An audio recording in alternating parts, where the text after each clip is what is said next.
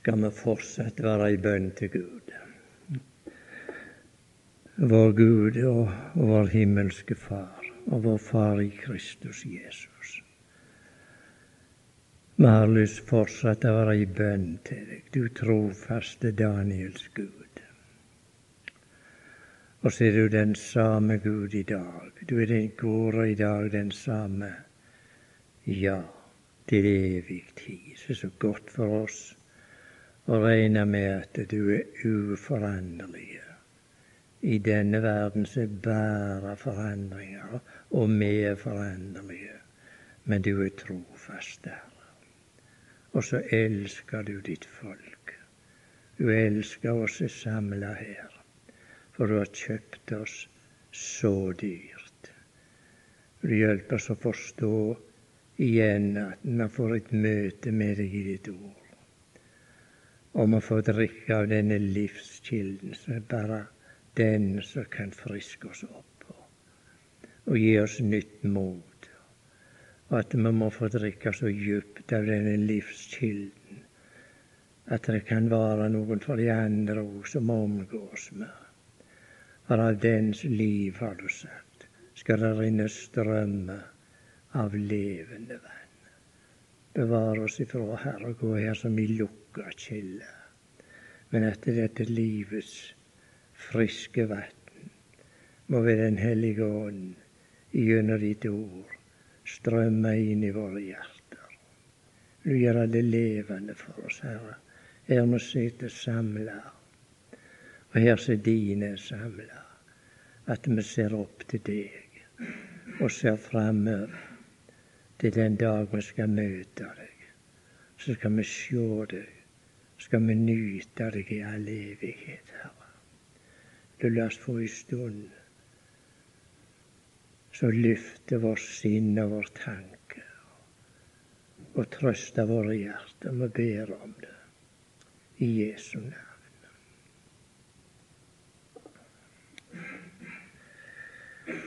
Skal vi lese sammen ifra apostelgjerningene?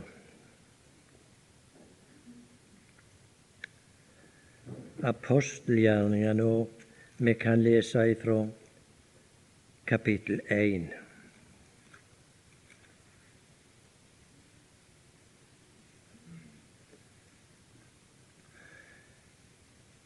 Det er ei underlig bok, disse apostelgjerningene. I bunn og grunn er alle Bibelens bøker underlige, for de er skrevet av Han som heter Under. Han som kaltes under. Og det kan ikke bli noe annet enn underlige bøker. Men de er underlige hver på sin måte. Apostlenes gjerninger, den er underlige på den måten. Det er vel den eneste bok vi har i Bibelen som ikke er utskreven og ikke ferdigskreven. Den skrives dag for dag. Det var en en gang som sa og kunne med rette hete Den hellige ånds gjerninger. For det er de vi leser om her i apostelgjerningene. Det er noe ganske nytt. Opp til denne tid så var ikke Den hellige ånd her i verden på den måten, men han ble sendt ifra himmelen etter Kristi oppstandelse. Han sa jeg går bort, og så skal jeg sende dere en talsmann, og det er han. Det er dagboka til talsmannen, dette her. De Helligåndens gjerninger er skrives dag for dag i den boka, og ikke fullskreven. Han skriver nye navn dag for dag, for det er menighetens periode. Og her er Den hellige ånd som arbeider så godt. Vi har fått dagboka. Skal vi sjå. Det var jo sagt her, her i kapittel to, da. og Herren la hver dag dem som lot seg frelse, til menigheten. Hver dag la han dem til menigheten som lot seg frelse. Og det er det Den hellige ånds gjerning å få nye abonnenter, kan man si. Han er her bare i den hensikt å kalle nye til omvendelse. Og derfor så skriver han dag for dag. La oss være det bevisst at når vi leser her det er nye tid Før apostlenes gjerninger så var det en hemmelighet i Gud, dette med menigheten. Det var ingen som visste om det, men det står det var en hemmelighet i Guds hjerte. Dette at Herren skulle ta seg ut i menighet. Så kom Den hellige ånd her til verden, ensærende i den henseende. Han skulle få i brud for brudgommen. Skal vi lese fra første vers i første kapittel.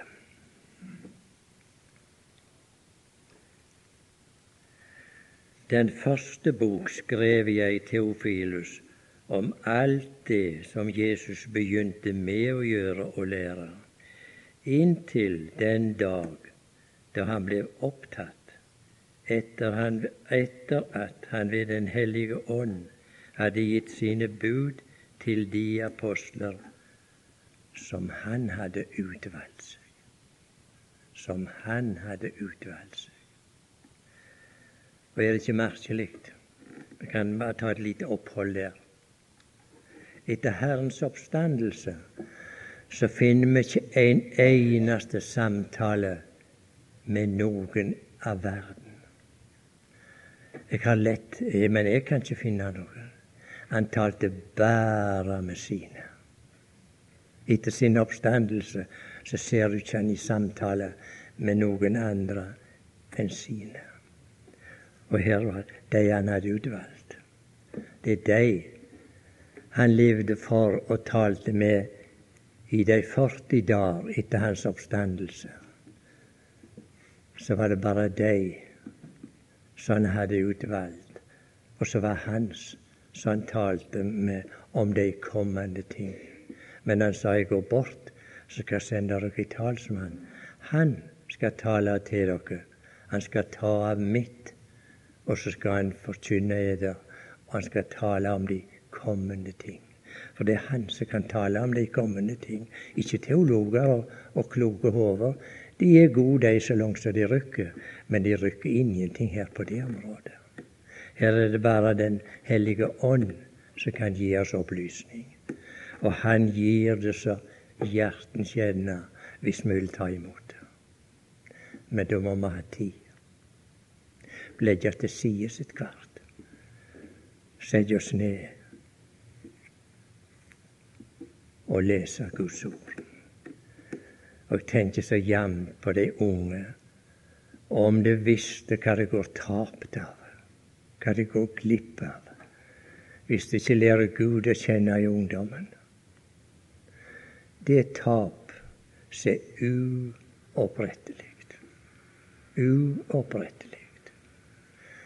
Man kan bli frelst og bli lukkelig og glad, men det er noe med å kjenne Gud. Det er uerstattelig.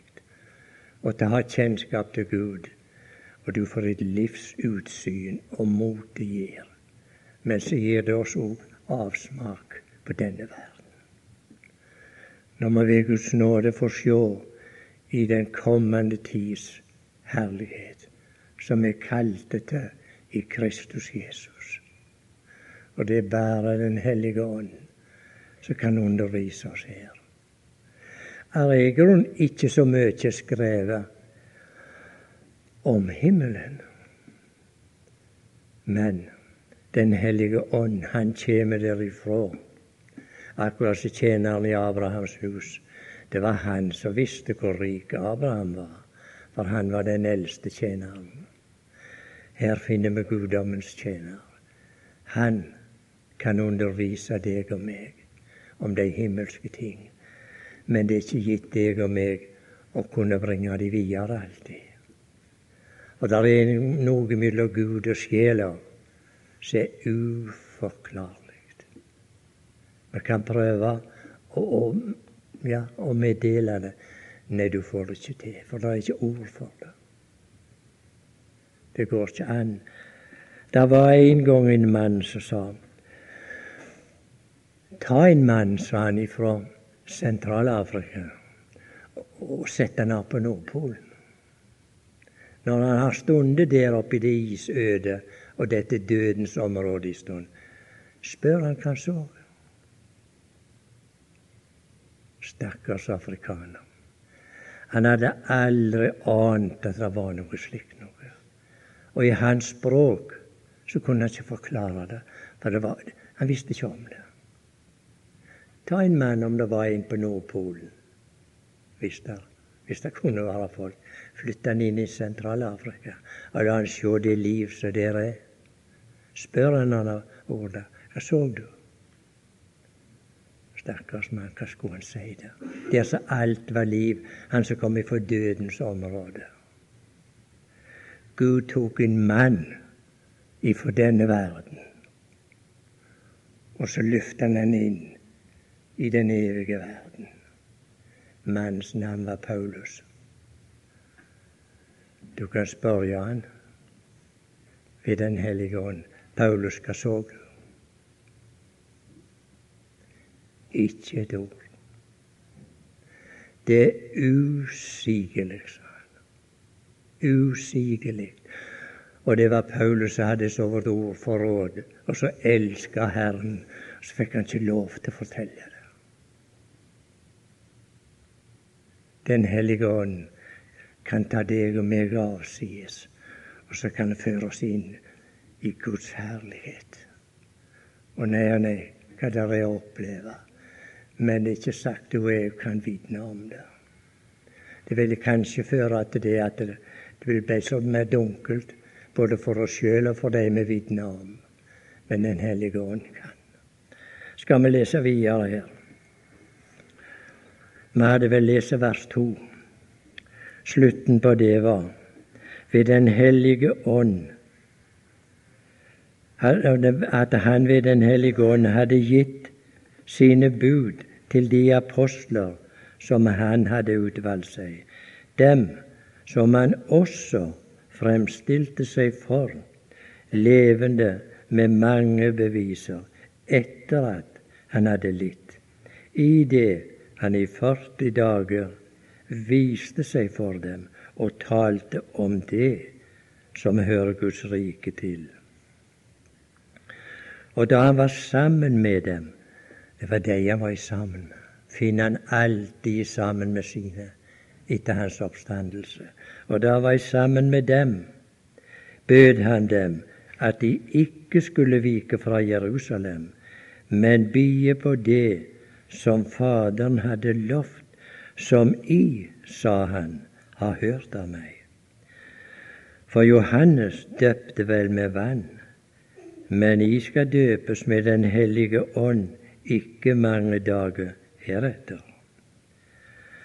Da de nå var kommet sammen, spurte de ham, Herre, gjenreiser du på den tid riket for Israel?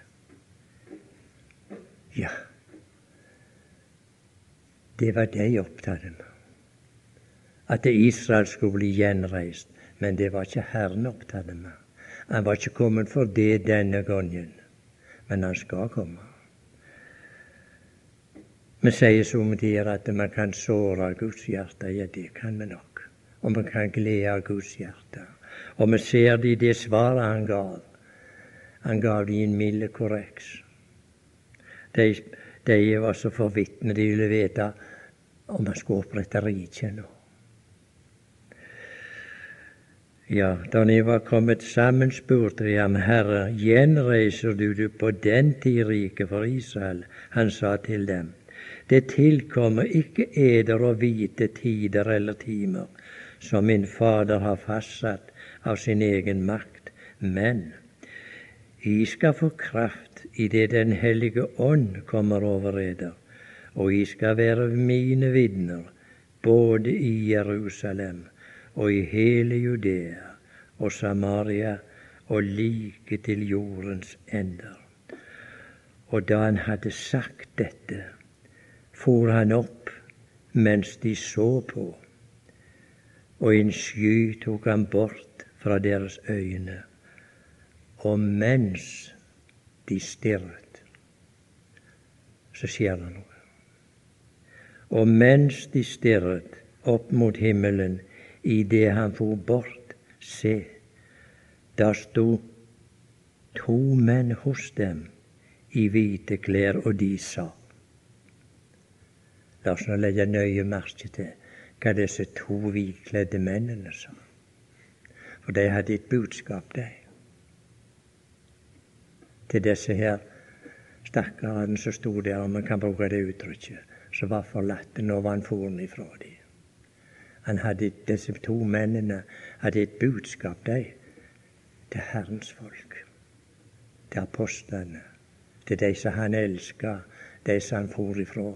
Han sa det vet, i evangeliene. 'Jeg går bort', sa han. Men jeg kommer igjen.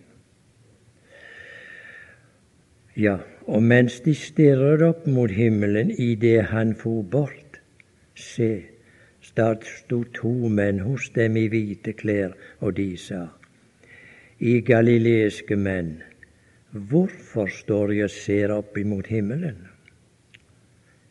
Denne Jesus, som er opptatt fra eder til himmelen, skal komme igjen. På samme måte som I så han fare opp til himmelen.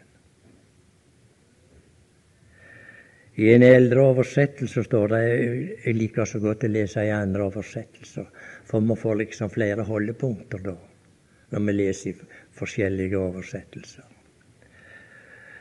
Der står det denne selvsamme Jesus som vi så får opp til himmelen.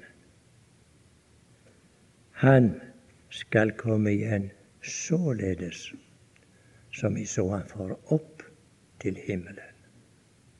Således som vi så han fare opp mot himmelen, skal vi nå vende oss til Lukasevangeliet. La oss lese mest mulig av Guds ord, for det er der vi får, får opplysningen. Det er vel det siste kapittelet i Lukas evangeliet. For evangeliene fremstiller den samme tingen på forskjellige måter mange ganger. Ja, Lukas 24 er det vel, vers 50. Og han førte dem ut imot Betania, og han løftet opp sine hender og velsignet dem. Og det skjedde da han velsignet dem. Hva skjedde?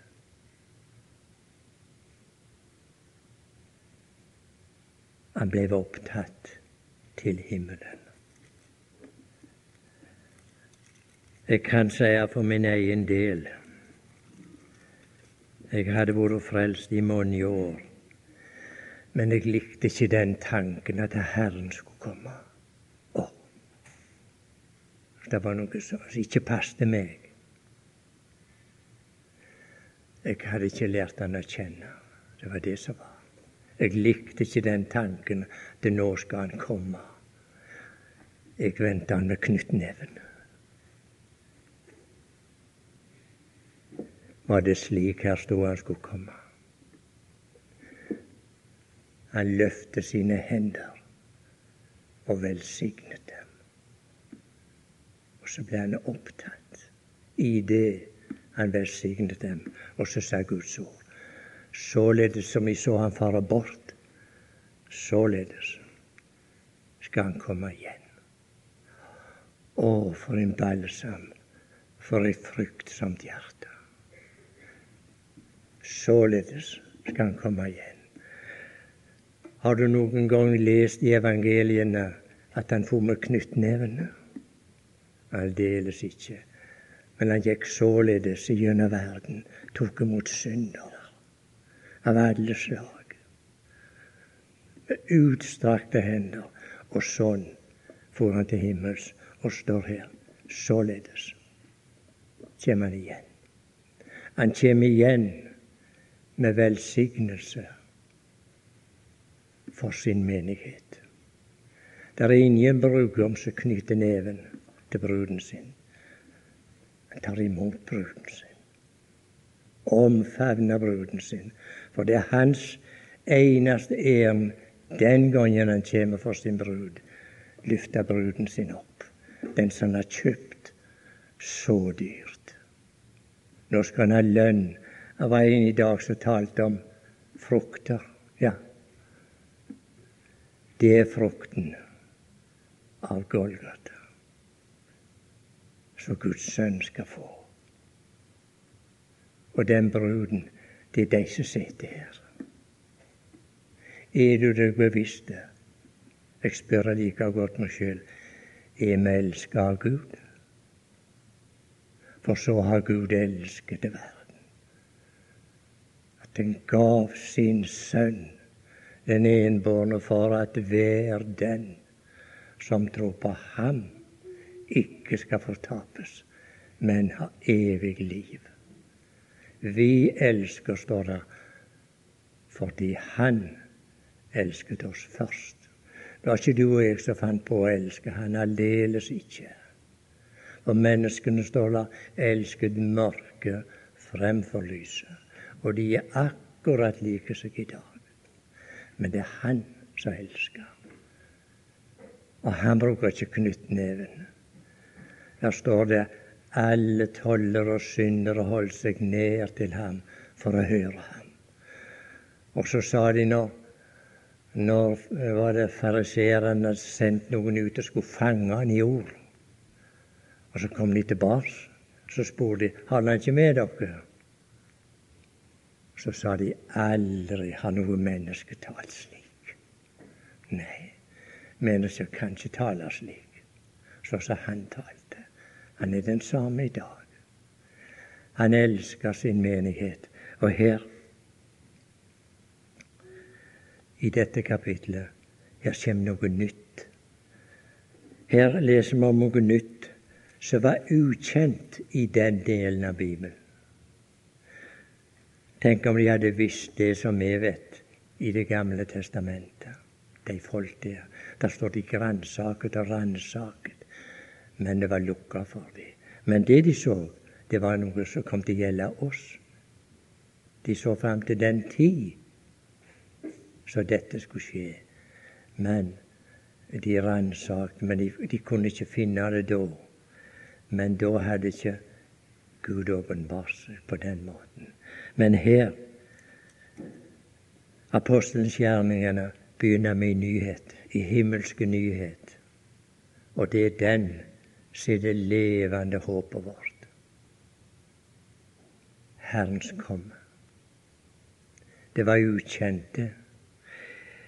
Og når vi leser her, at der står når de galileiske menn sto og så opp imot himmelen, så sendte Gud to menn, hvitkledde menn, ekstra for å fortelle dette.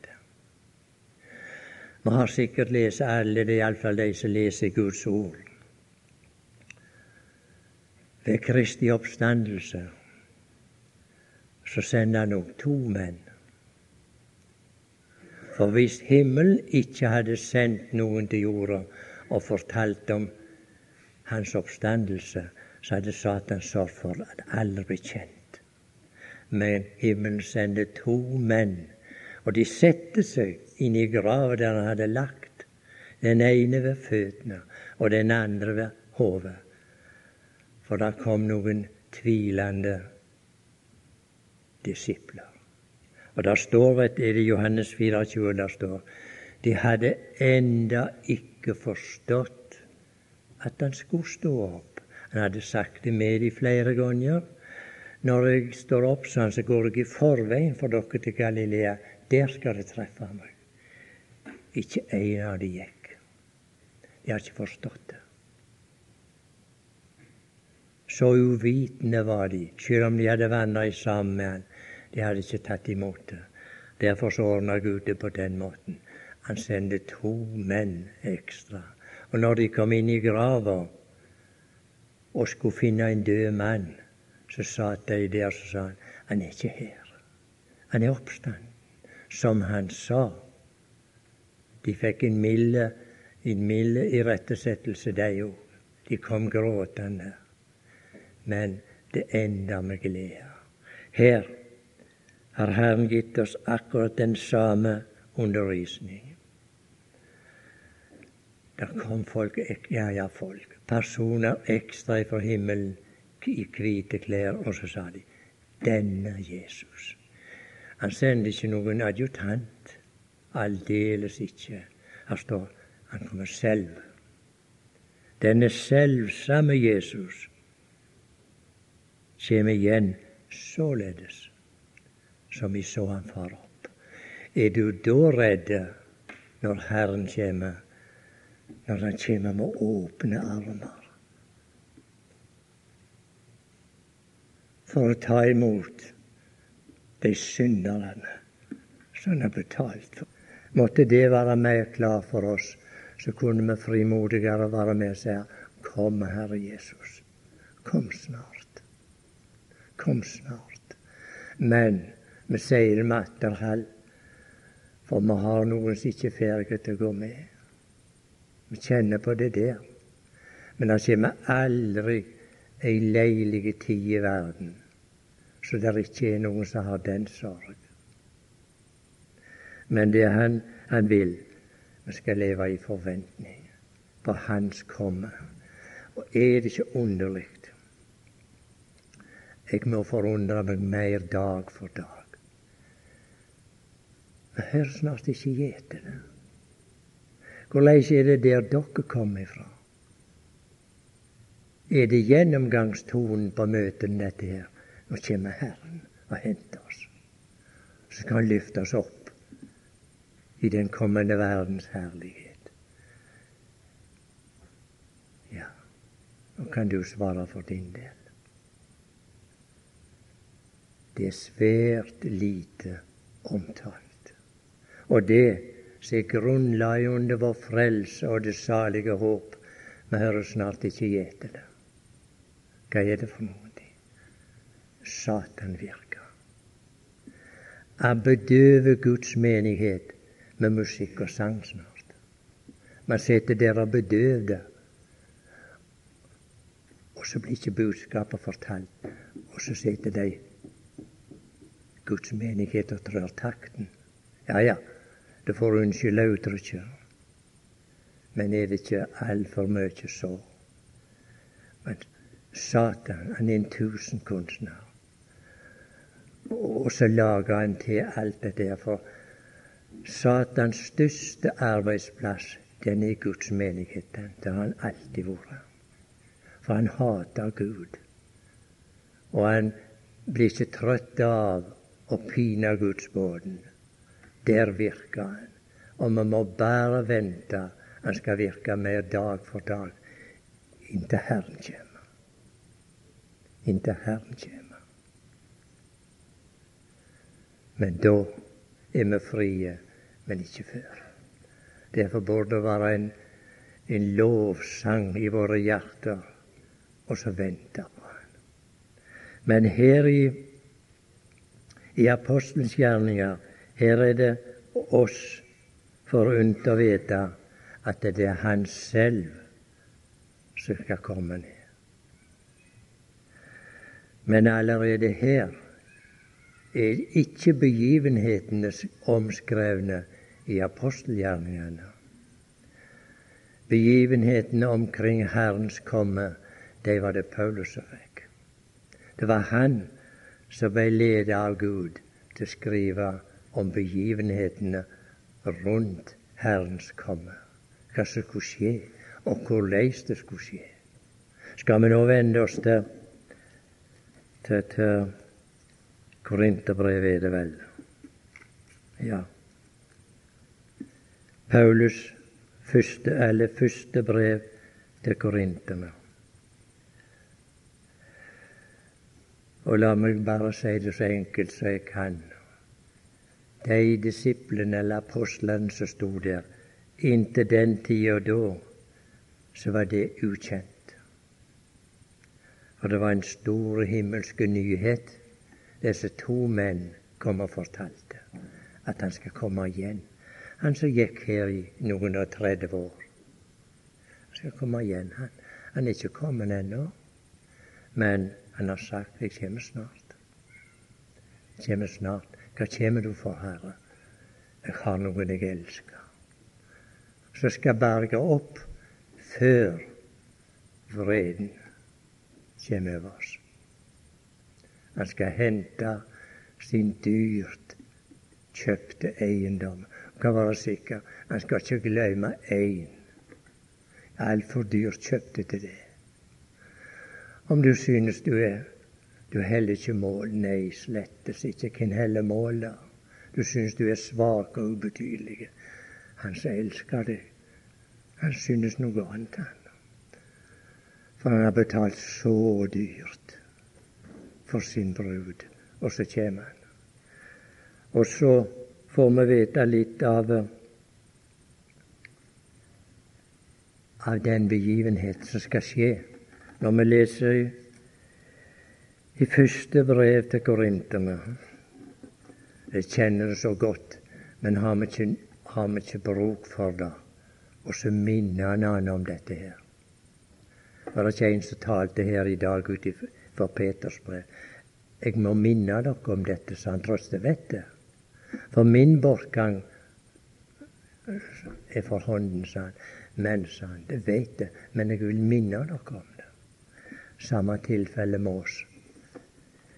Nå har Herren gjort det slik, han åpenbarte det for Paulus, dette om sin komme for sin menighet.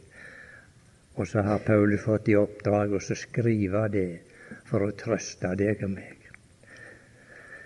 Og her sier han i kapittel 15 Ja Hvilket vers skal vi lese? Ja. Kapittel 15 og vers 50. Men dette sier jeg, brødre, at kjøtt og blod kan ikke arve Guds rike, heller ikke for heller ikke arver forgjengelighet uforgjengelighet, for det er en umulighet. Du kan ikke arve uforgjengelighet for den som er forgjengelig. Det er ikke arv her taler om, men det, det er guddommelige kraft. Så sier han i vers 51.: Se, jeg sier dere en hemmelighet. En hemmelighet. Hva er det, Paulus, der? du har fått visst? Jo, sa jeg har fått visst noe som har vært skjult i alle tider i Guds hjerte, men nå er det åpenbart. Nå har Han gitt meg å åpenbare det. Hvordan er det med oss? Vi går her og kaller oss troende, og nei, han er ikke uvitende med. Så har livet gått hen i all slag og så er vi så uvitende om den kommende verdens herlighet og om vår evige lukke. Det går mer og sørger. Jeg anklager ikke noen, må ikke tale oppsørgelsen. Kjenner på det samme sjøl. Men så endelig godt når vi får Den hellige ånd til å legge dette inn i våre hjerter, så Herren har betrykt oss i sitt ord. Se, jeg sier eder min hemmelighet. Vi skal ikke alle hensove.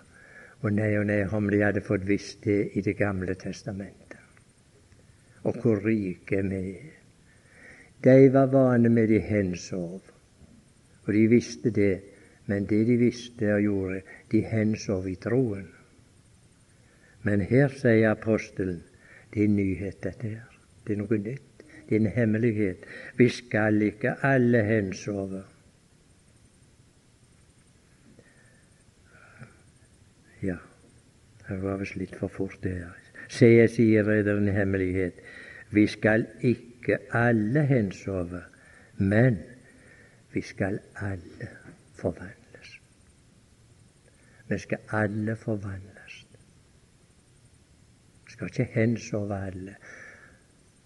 Nå er det ingen av oss som kan si det om vi skal slippe dørgral. Vi veit ikke. Det kan så godt hende like godt hende for oss som lever i dag. Vi vet bare det. Vi er nærmere målet med enn noen har vært før. Nærmere dette forunderlige møtet. Er hemmelighet som er avslørt her. Vi skal ikke alle hensove, men vi skal alle forvandles i et nu, i et øyeblikk, ved den siste basun, for basunen skal lyde, og de døde skal oppstå uforgjengelige. Å nei, å nei, for en opplysning. De døde, de forgjengelige, de som vi så her. De var ikke skinn og bein når de forlot denne verden. Så sier Guds ord de skal stå opp uforgjengelige. De som er forgjengelige, de ble gravne ned i molla. Der ligger de i påvente av dette skal skje. Burde det ikke gripe våre hjerter hva Gud har gitt oss opplysning om ikke bare for oss som lever, men for de som har gått bort, de som smuldrer hen.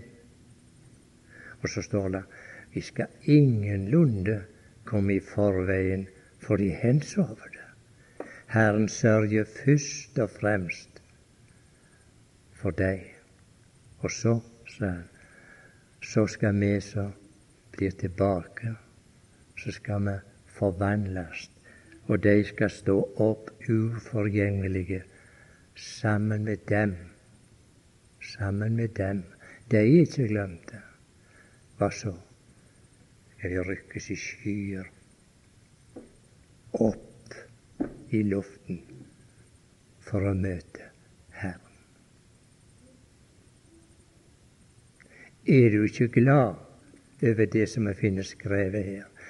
Burde ikke det være mer kjent omtalt iblant oss. Men istedenfor guddommelige sannheter, så blir vi fullproppa for det heter nå da med, underholdning. Det er ikke himmelsk underholdning som er blitt fullproppa av mange ganger. Det verslige. For gudsbåten går inn i verslig miljø og kommer ut derifra med metoder. Det er ikke verden som går inn til Guds folk og henter metoder og går ut med. Aldeles ikke. Det er omvendt. Han som vaker over båndene sine. Jeg kan ikke si om det er sorg i Guds hjerte, men det tror jeg han gleder seg ikke over hos Bodnas har det her i verden. Når han har sagt så, så dyrebare ting som dette, at han skal komme igjen. Ja, i et nu, i et øyeblikk, ved den siste basun, for basunen skal lyde, og de døde skal oppstå. Det er ikke De skal antagelig oppstå. Nei da, de skal oppstå uforgjengelige, og vi skal forvandles. For da må en forvandling til. Du og jeg kan ikke gå inn i himmelen i den tilstand vi er i dag. Det er en umulighet. For, for, vi er ikke, vi er ikke ordna ennå for himmelen, men vi skal sammen med deg. Det er godt godt blitt støv når Gud ikler deg uforgjengelighet så skal han ikle deg og meg. Skal vi forvandles. Hvordan dette skal foregå, det vet ikke jeg. Det behøver jeg ikke vite engang. Men det Gud sier, når Han åpenbares, så?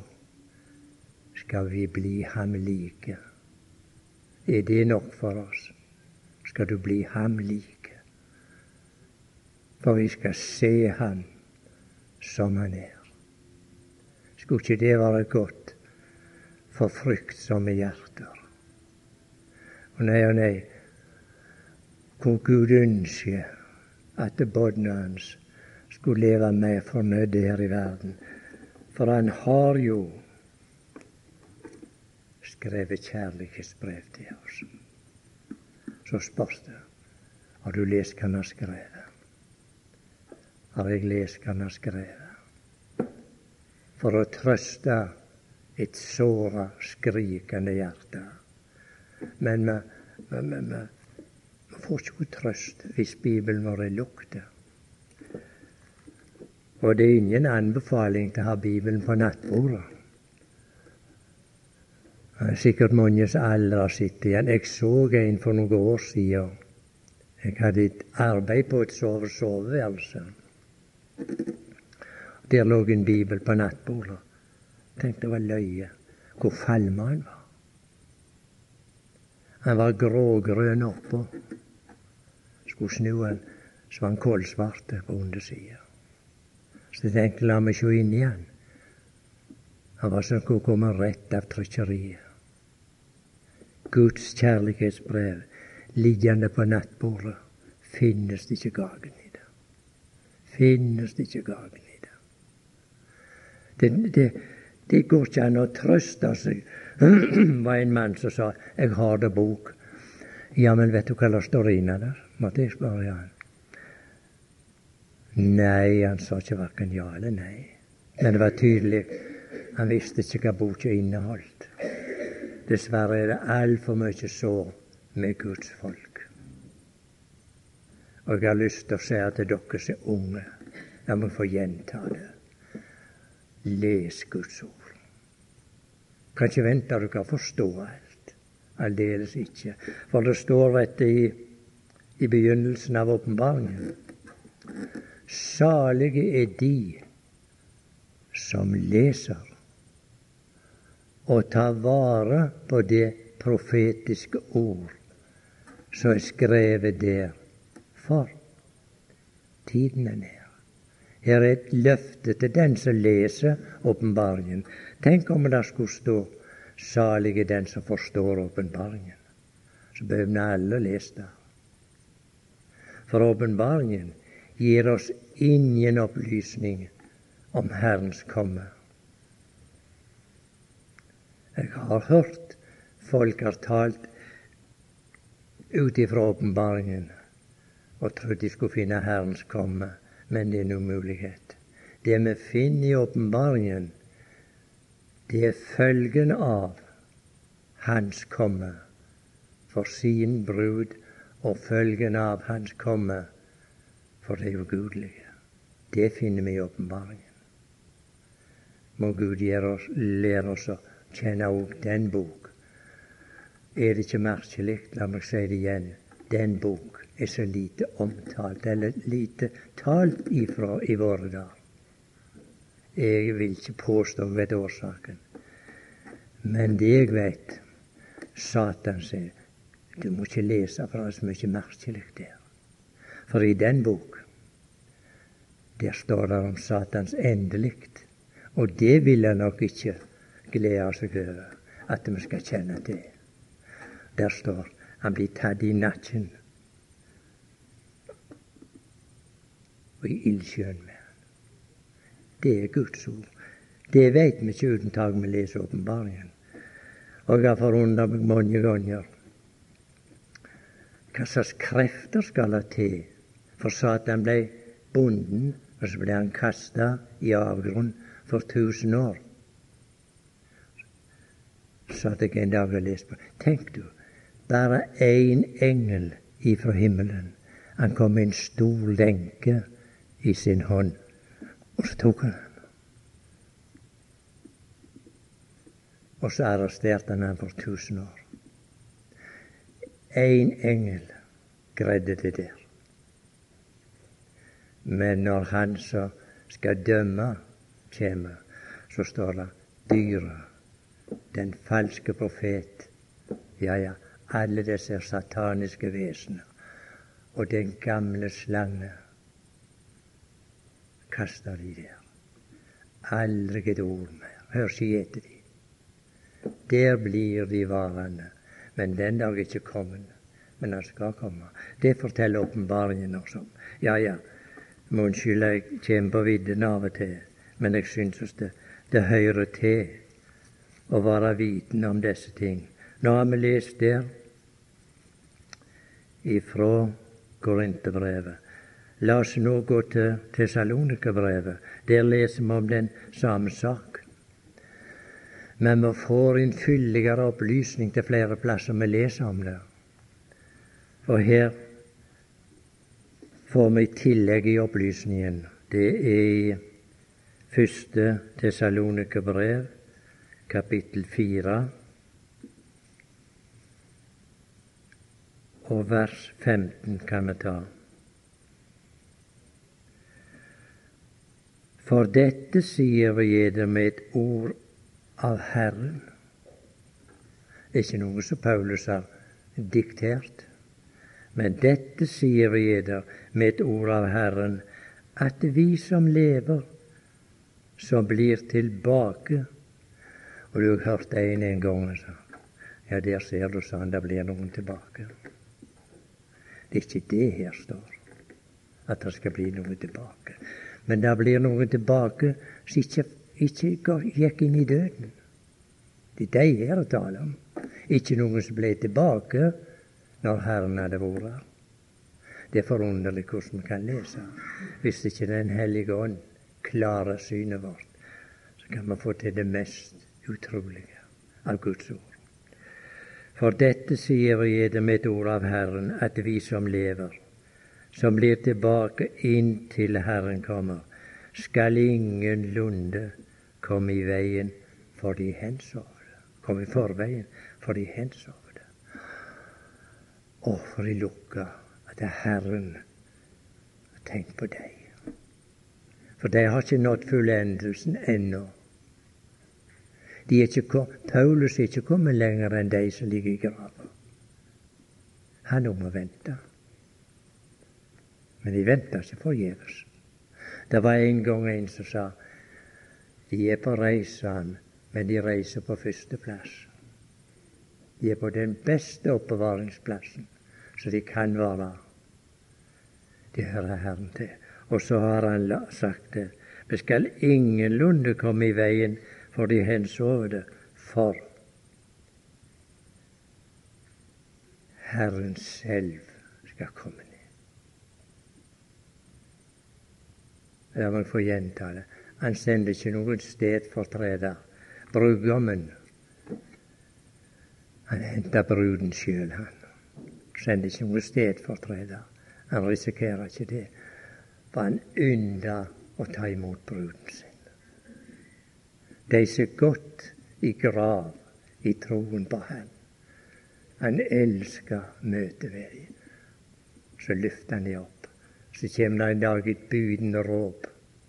Så kommer de.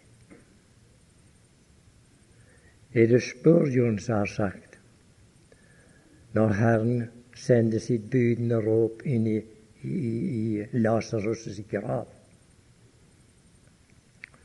Så kom Lasarus.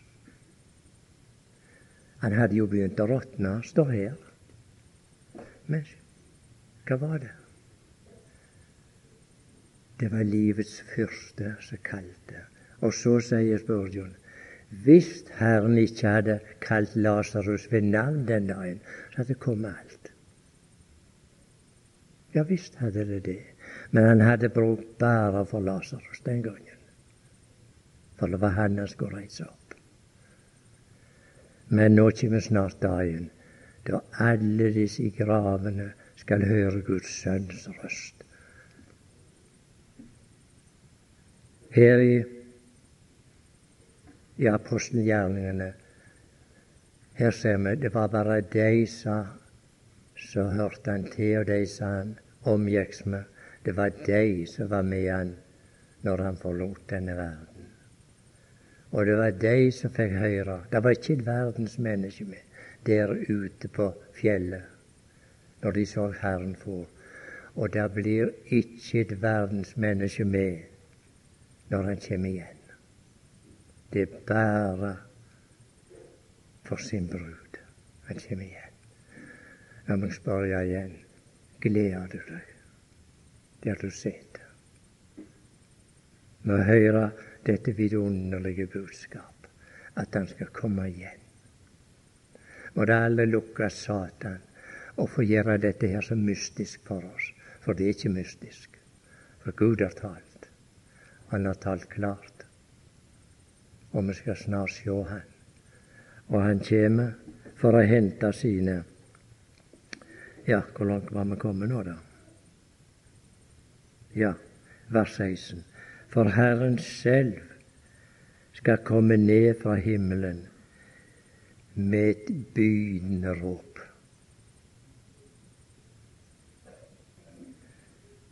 I begynnelsen av Bibelen vår leser vi om han bød, og det sto der. Var ingen vanskelighet. Han kommer med et bydende råp en dag. Så kommer de opp. Han behøver ikke rekke ut en finger, for den munnen har aldri talt svik, står det her i Guds. Tenk, og da skal du og jeg få være med der. Og jeg blir ikke trøtt av å spørre elsker du Han? Elsker du tanken på møtet med Han? Han som var på Golgata for oss. Han som de slo og hånte og pinte. Alt det Satan og verden kunne prestere. Ikke et ord til gjenmæle. Han sa, ta meg og la deg gå det samme elskende frelserhjertet til himmelen i dag. Så skal snart åpenbare seg. For Herren selv skal komme ned fra himmelen med et bydende råp, og med overengelsen røst og med Guds basun. Og de døde i Kristus skal først oppstå deretter Deretter, når det er gjort, når de er oppstående, deretter skal vi som lever, som blir tilbake Her kommer igjen det ordet 'bli tilbake'. Men bli, det står ikke 'bli tilbake' når de er farne. Vi skal bli tilbake. Og de gikk inn i døden, de. Men vi skal stå her sammen med dem. Sammen med dem, står her. Rykkes i skyer opp i luften for å møte Herren. Og så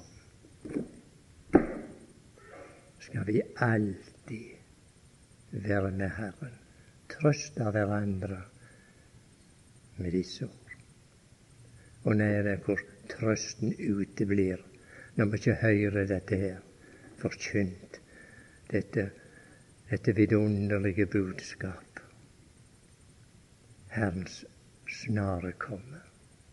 og hva han kommer for. Han kommer ikke ned til denne jorda som han forlot. Der står vi skal rykkes i skyer opp til han.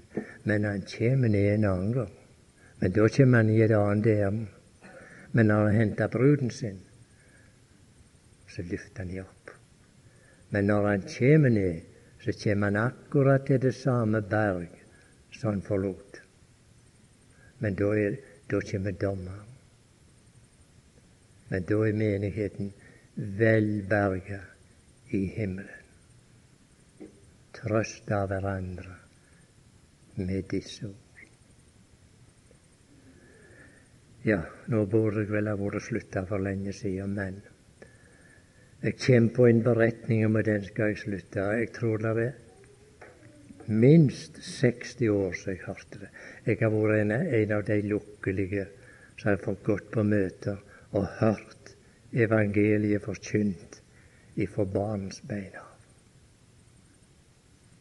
Jeg forstår det ikke da, men jeg forstår det nå mer. Far i nåde. Og har det båten. Forsøk å oppmuntre jeg å gå på møter. Om jeg ikke forstår alt. Men Den hellige ånd skal sørge for det. Kan være sikker på det. Ja vel.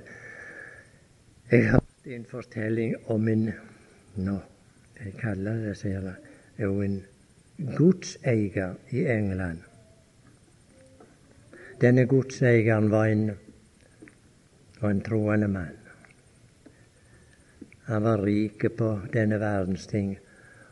Og noe som han særlig var rik på, det var fine hester. Det var hans hobby antagelig.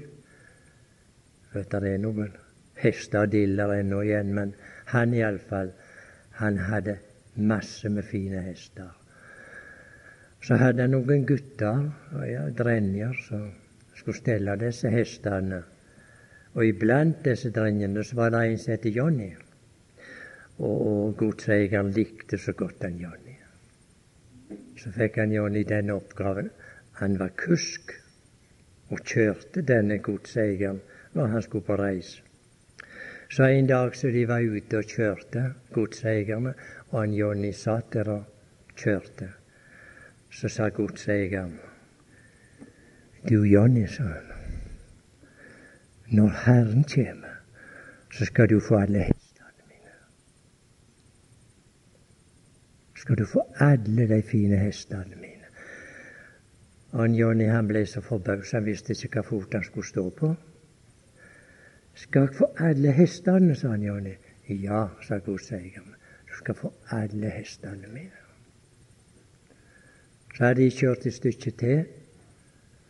Så sa godseieren, du Jonny, du skal få kjøretøyet òg. Du skal få både hestene og kjøretøyet. Og tusen takk, sa han Jonny. Så blir jeg òg rik, sa han. Ja ja, det ble ikke mer snakk om det. Så når de var kommet hjem og Jonny hadde sett inn hestene, så hadde han et rom i et hus på sida. Han bodde ikke i samme huset som godseieren bodde. Han bodde i et mindre hus, og han hadde sitt rom. Og som kvelden han gikk opp og la seg, så la han seg som verdens lukkeligste gutt. Tenk, sa han, nå skal jeg få alle hestene, og så blir jeg like rike som godseieren. Men så han lå og tenkte på dette, her han Jonny. Tenkte han, når var det jeg skulle få hestene, da? begynte han å spekulere. Når skulle få de? Når Herren kom, sa godseier, skal du få de. Ja, dette trengte seg inn på han Johnny. Når Herren kommer. Han lå i senga si der og filosoferte over dette her. Når Herren kommer. Dette her tok mer og mer makt i John Johnny. så ble det sånn. Han kledde seg, og så sto han opp, så opp og kledde seg. Og så sa han med seg sjøl jeg må få snakke med godseieren, jeg, om det som midt på natta. Ja, ja, han Johnny han gikk, kledde seg, og så gikk han til godseieren. Og så banket han så hardt at godseieren måtte høre det. Så kom godseieren og sa Hva er så galt, Johnny? sa. Hva er det for noe du kommer midt på natta? Jeg vil ikke ha verken hestene eller kjøretøyet, sa han. Nei, hva sier du, vil du ikke ha det, sa godseieren. Nei, det vil jeg ikke, sa han. Jeg vil være meg når Herren kommer. Jeg vil ikke gå her og stelle hestene da. Ja, ja. Gir det oss noe å tenke på? når Herren kommer. Hva så med den fine bilen? Hør nå her, jeg kritiserer ikke noen. For det vi har fått, det hører Herren til det, uansett hva det er. Hva så med den fine bilen når Herren kommer?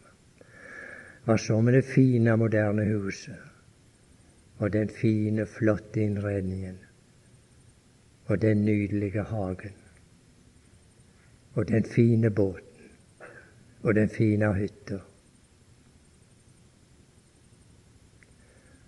Er det noe som overskygger det? Når Herren kommer, så betyr det ingenting. Må Gud løse oss ifra Opp og banke på ord. Nå kommer ikke jeg på alt, men du vet hva vi har å bli løst ifra. Herren skal snart løse oss. Og det gode er med det, Herren har det på den måten. Han tar det ikke alltid ifra oss, men han gjør det uinteressant for oss. dag for dag så ser vi tomheten i det. En dag så går siste bandet. Og kanskje godt forstå han Jonny. Jeg vil ikke være her, jeg kan stelle hestene, sa han. Når Herren kommer, må det gripe våre hjerter. Den herlige dag som vi har i vente. Men det må en åpenbarelse til. Og den heter Når Han åpenbares, da skal vi åpenbares med Ham. Hvor hender det? I herlighet. Har vi noe å glede oss til? Har vi noe å legge oss i kveld og fryde oss over? Må Den hellige ånd få gjøre det såpass levende for oss at vi fryder oss til å møte Herren.